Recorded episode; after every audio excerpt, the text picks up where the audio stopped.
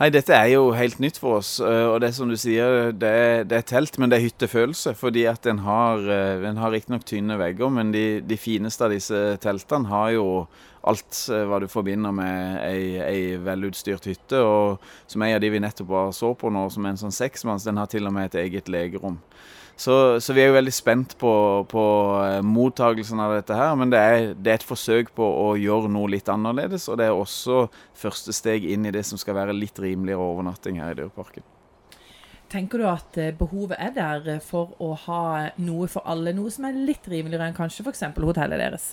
Ja, absolutt. Altså, hotellet vårt er fullbooka og veldig populært, så det markedet fins, det vet vi. Men vi tror at det er ikke billettprisen som begrenser de som har eh, dårligst råd å komme i Dyreparken, det er overnattinga og reisen til Kristiansand. Så Derfor så ønsker vi å, å, utforske det markedet noe mer, og se om vi kan tilby enheter, eh, og kanskje på sikt enheter under 1000 kroner natta, selv midt i høysesong. Men du, campingliv det er jo ofte vonde madrasser og ganske primitivt. Jeg tenker at til og med jeg kunne jo egentlig ha bodd i en av disse hyttene her, for det er ikke primitivt. Nei, vi snakker vel om det litt på vei inn her. at Jeg, jeg, jeg føler òg at uh, dette her er sånn camping som hadde vært etter mitt hjerte. Hvor en, hvor en sne, uh, slipper barnåla mellom tærne og våkne i en uh, blaut sovepose. Og det, det er stor sjarm i det òg, for all del, men, men, dette her er jo for de som kanskje ikke er så vant med campinglivet, eller de som har lyst på et alternativ til et hotellrom. For det er jo både mer romslig, og du har avlukke både til barna og til de voksne. Og de voksne kan sette seg ut på terrassen her på, på kvelden. For sånne ting får man jo ikke på et hotellrom. Bl.a. det du nevnte med at man kan sette seg ut om kvelden, også når barna har lagt seg. Ja, heldigvis har vi balkong på veldig mange av hotellrommene våre, men det er klart at det er mye mer begrensa enn hva dette her er. Her, her har en stor uh, terrasse utenfor uh, alle teltene, og vi kommer til å ha aktiviteter. Det skjer mye i området uh, hos oss på sommeren, så dette blir en, en veldig annerledes opplevelse. Og så leste jeg vel også at dere skal ha egne safariverter som passer godt på? Ja, det er meninga det. Og vi, vi, det, dette er jo en, eh, også en test for oss, eh, hvor vi, vi, skal ha underholdning. Vi har brukt inspirasjon fra Abrahavn. Noe av det vi får best tilbakemelding på i Abrahavn, det er jo det at du blir våkna sjørøvere, og du blir aktivisert. Barna blir aktivisert når du er i, i eh, konseptet. Og her i safaricampen så er det safariverter som skal ha deg med og, og ta deg rundt. Og fokus på bevaring av dyr og læring om dyr. Og, og sang og dans og moro. Og selv om ikke absolutt alt står helt klart ennå, så får man jo på en måte den safarifølelsen. og noen steder er det jo også den fantastiske utsikten.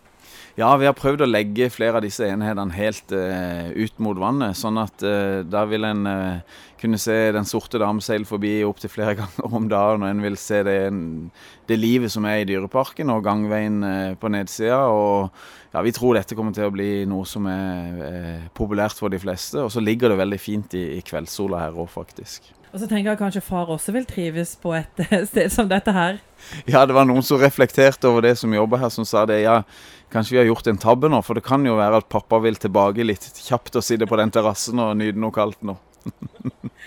du, Nå er dere straks klar for åpning, og de første gjestene kommer eh, i eh, juni. I tillegg til Safariparken så skal dere også teste ut noe la det samme på Roligheten camping, for den har dere også overtatt? Ja, eh, vi har det, og vi gleder oss til å åpne der. Vi har fått tillatelse til å sette opp eh, ti eh, sånne telt som dette her, som vi skal ta ned igjen når vi er ferdig. Eh, men da eh, kommer vi også til å ha lignende stil der, så det blir spennende å se om det blir godt tatt imot der nede også. Men dette er jo selvfølgelig typisk sommerovernatting. Dette skal det ha i sommersesongen. Hva skjer med safaricampen og teltene når eh, høst og vinter kommer? Ja, Her i Dyreparken så kan de kan stå oppe hele året, men, men, jeg tror ikke jeg vil anbefale å overnatte her midt på vinteren. Så vi kommer til å se altså er, Vi har fått noen forespørsler fra skoleklasser og sånn som har lyst til å bruke det litt utover høsten. og Det tester vi gjerne ut. og, og da, Det er ikke så mye som skal til av varme for, for å skape OK temperatur her på, på natta også. Og så har du eh, god eh, dekning på overnattinga allerede? Ja, vi, vi, er jo i en veldig heldig situasjon hvor uh, hele Abrahavn og hele Dyreparken hotell har bortimot 100% belegg i, i, juli.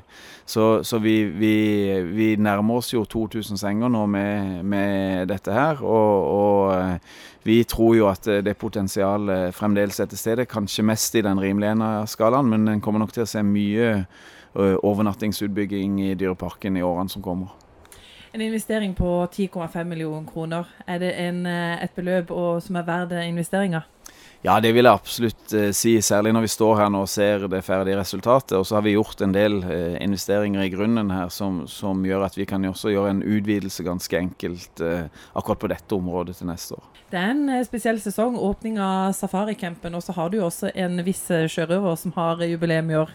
Ja, Kaptein Sabeltann fyller 30 år, og, og, det kommer vi til å feire til gang. Så akkurat her vi står nå, så kan vi jo se over til Sabeltanns verden, hvor det er ganske mye byggearbeider. og Vi skal jo åpne flere nye attraksjoner inne i Sabeltanns verden. Og, og kapteinen selv skal være med på feiring gjennom hele sesongen.